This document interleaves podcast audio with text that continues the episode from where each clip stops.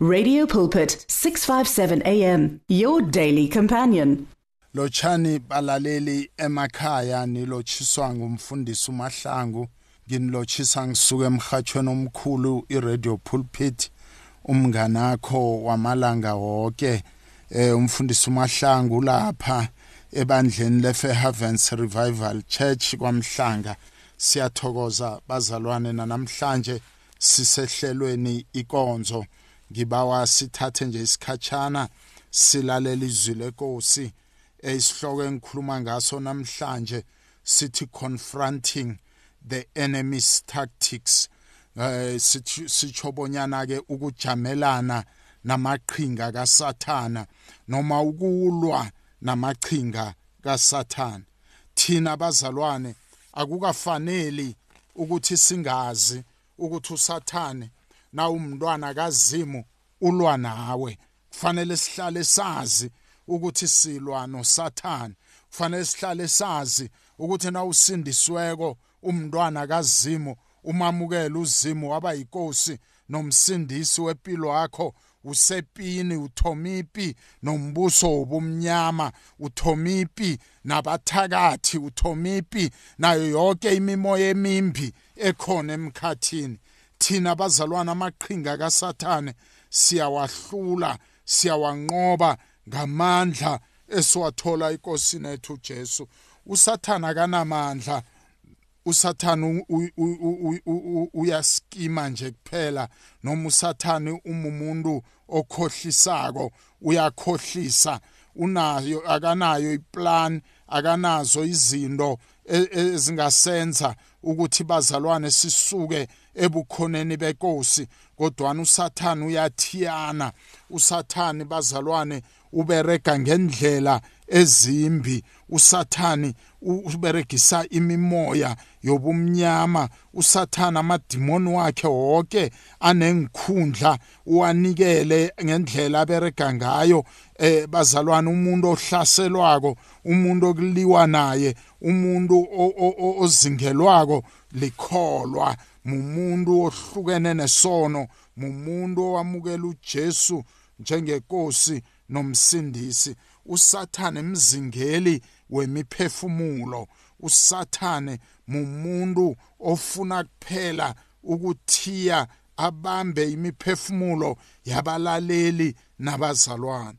Kodwa thina esibantwana bakazimu thina sikholwa ngeqiniso thina sizesiwe ngamandla kamoya ongcwele sinamandla wokubachaphulula labo imoya yabo ebochiwe sinamandla yokubachaphulula labo abaqindezelwe sinamandla wokubachaphulula labo usathana abavaleleko labo usathane bendo zabo sinamandla wokubachaphulula ngomkhuleko ngegunya esilinikelwe yinkosi uJesu Kristu. Sitha into esinayo esiberegisako kukhohlisa. Sathana umqambi mala noma umqambi manga sathana unguyise wamanga. Izwi lenkosi liyamveza usathane namaqhinga wakhe njengesitha. Uzimethu ngukukhanya izwi lakhe lingukukhanya. Ukukhanya kumvezo bala usathane namadimoni wakhe. Ukukhanya kuveza isitha kuchise ubumnyama bukugirize bukuqede. Abantu abanengi bakhohlisiwe sisitha. Nabantu abanengi abaphethwe imimoya yamala ababanjwe imimoya ekhohlisako. Abantu abanengi abasebenzela noma abasebenza ngaphasi kwamandla kaSathane. Imimoya uSathana iberegisako imimoya yokuqamba amanga imimoya yokulahlekisa imimoya yokwenza abantu baphambana inhloko imimoya yokuthi abantu bahlulwe inyama imimoya yokwenza imicabango yabantu iphuphuthekiswe imimoya bazalwane lethu ukugula nokuhlupheka. Imimoya leyo eberega ngaphasi kwegunya lombuso wobumnyama uSathane. Thina abakholwako akukafuneki sibekezelele lemoya thina abakholwako akukafuni sisibekezelele isitha. Ngakho namhlanje isihloko sethu sithi confronting the enemy's tactics. Ngamanye amagama asilwe nosathane. Asilwe namaqhinga kasathane asijamelane nesitha asijamelane nomkhohlisi silwe naye. Singavumi usathane nathi asifake sibe ngabanye balaba bantu abaningi ababuswa sisitha ngoba sibakhohlisile sabafaka ngaphasi kombuso wobumnyama lapho babuswa khona imimoya yamala imimoya yokukhohlisa imimoya engaphasi kombuso kaSathane imimoya eyenza ukuphambana kwenhloko eyenza imimoya yokukhohliswa imoya yokuliyamala imoya yokuhlulwa inyama yokuthanda umseme eh, imoya yokuphuphuthekiswa imimoya leyo esembusweni wobumnyama. Imoya umkhuleko wethu umkhuleko wabakholwako bazalwane nani balalele emakhaya unamandla wokuphula ugirize amandla obumnyama ugirize lemimoya ekhohlisako ivule nemimo namehlo kamoya wabantu abanengi abangaphasi kokuqindezelwa mbuso kaSathane. Izwi lenkosi namhlanje silifundako silithola encwadini yethu kaSamuel wesibili sifunde lapha ku3 uverse 1 efundeka ngalendlela ipi hlangana nendlu kaSawulu nendlu kaDavida yathatha isikhathi eside. uDavida waya ngokuya akhule emandleni indlu kaSawuli yaya ngokuya iphelelwa mamandla.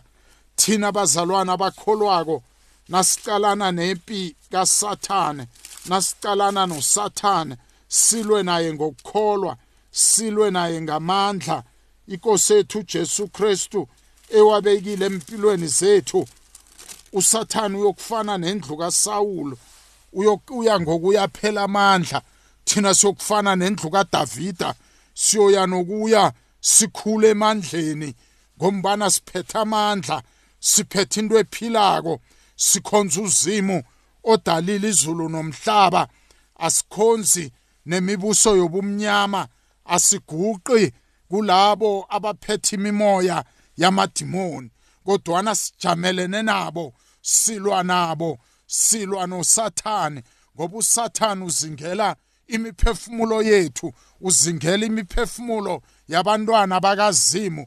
Yiloyo naloyo kufuneka ahlale njalo ahlomile izwi lenkosi esilithola lapha kwabefesu 6 uvesi 10 no11 ithi kokugcina qinana enkosini nemandleni wayo amakhulu. Bazalwana siqinene enkosini nemandleni ayo amakhulu. Nasiqine enkosini usathane namadimoni akhe bayokuphelelwa mamandla njengoba indlu kaSawule yaphelelwa mamandla. Nasenza njalo usathane uyokuphela siyowubulala umbuso wamadimoni nombuso wamala. Hlomani zonke inhlabano zakazimu ukuze nikhone ukulema nijamelane namaqhinga kaSathane. Sihloko esikhuluma ngaso sithi bazalwane we must confront the enemy tactics.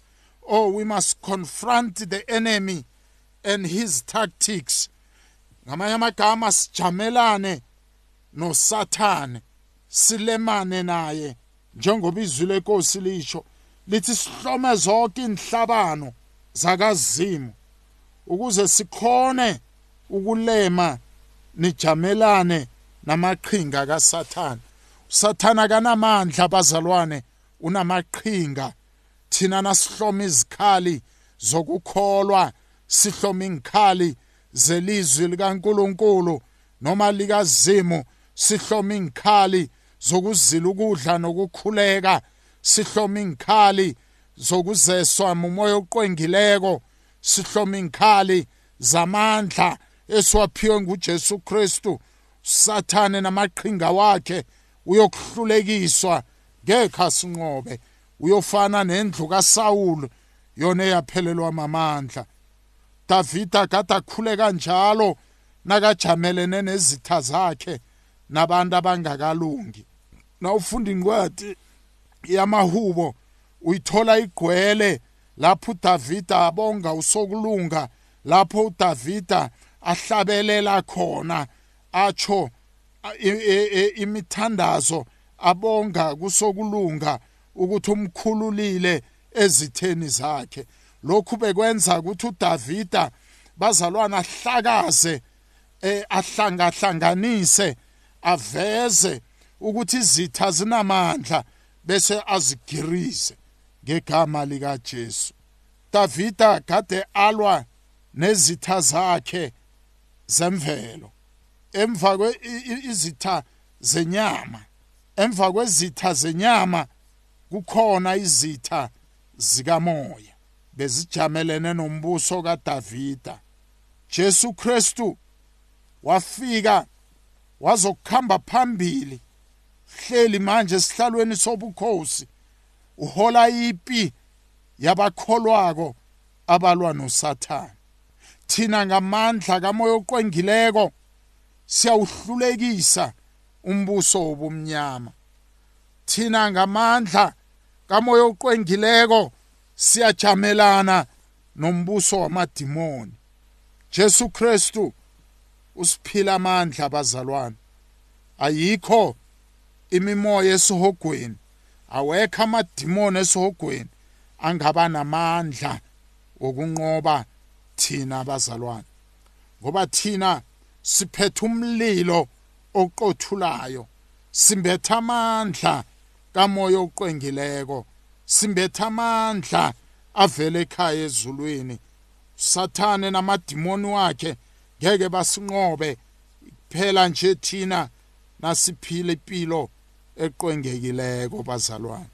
Uzimethu uyosipha amandla wokuhlula ipi.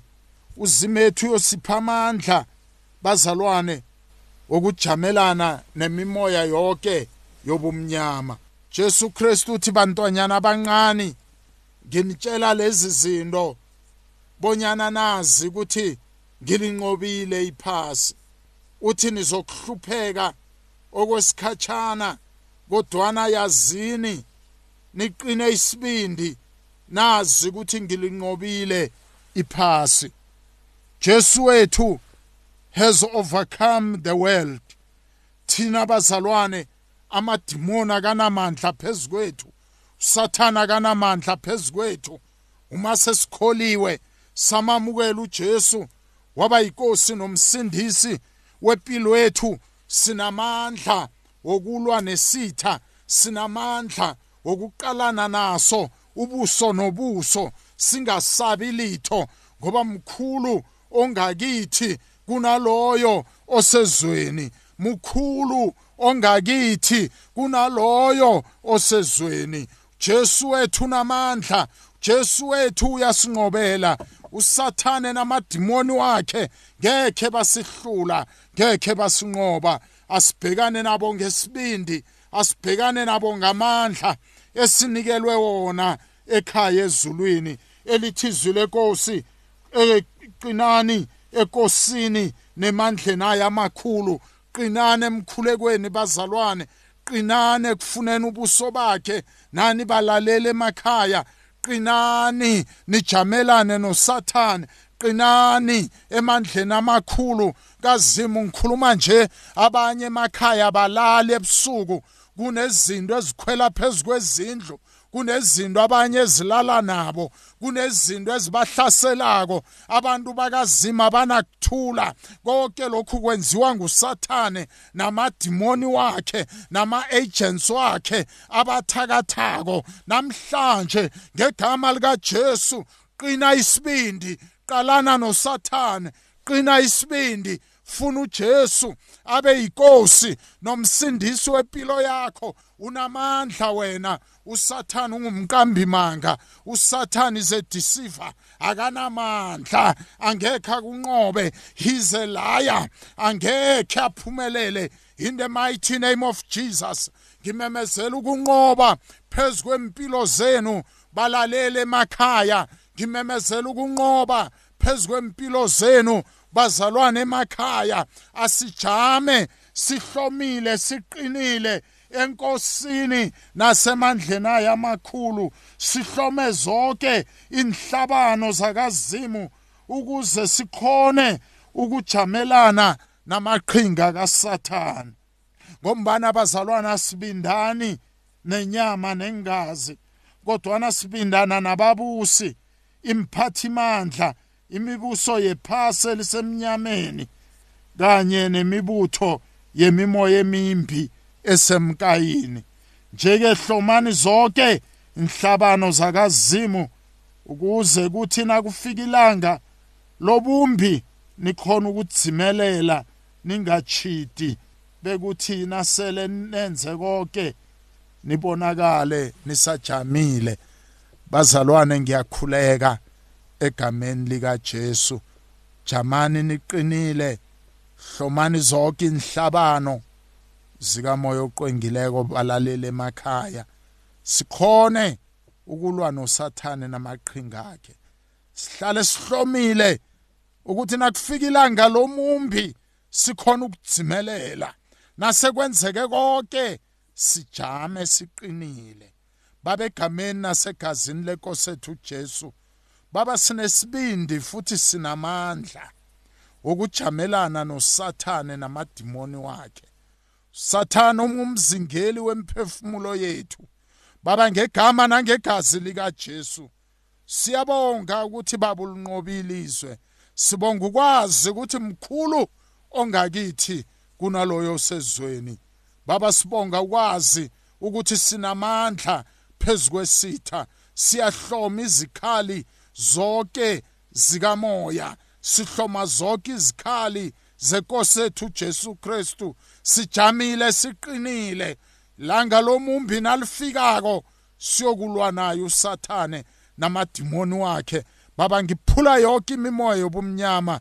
Moya yamadimoni imoya kasathane moya yabathakathi moya baba yobumnyama balelizwe neyomkhathi ethwenya impilo zabazalwane nabalaleli emakhaya. Ngiyayiphula ngiyayiqitha ayinalungelo ngiyayibopha ngiyayihlulekisa ngilahlela kwalasha ngelinamandla igama lenkosi yethu Jesu Kristu. Amen and amen. Hallelujah. The words of the Lord are words of life Your heart is on 657 AM 657 AM radio for believers in action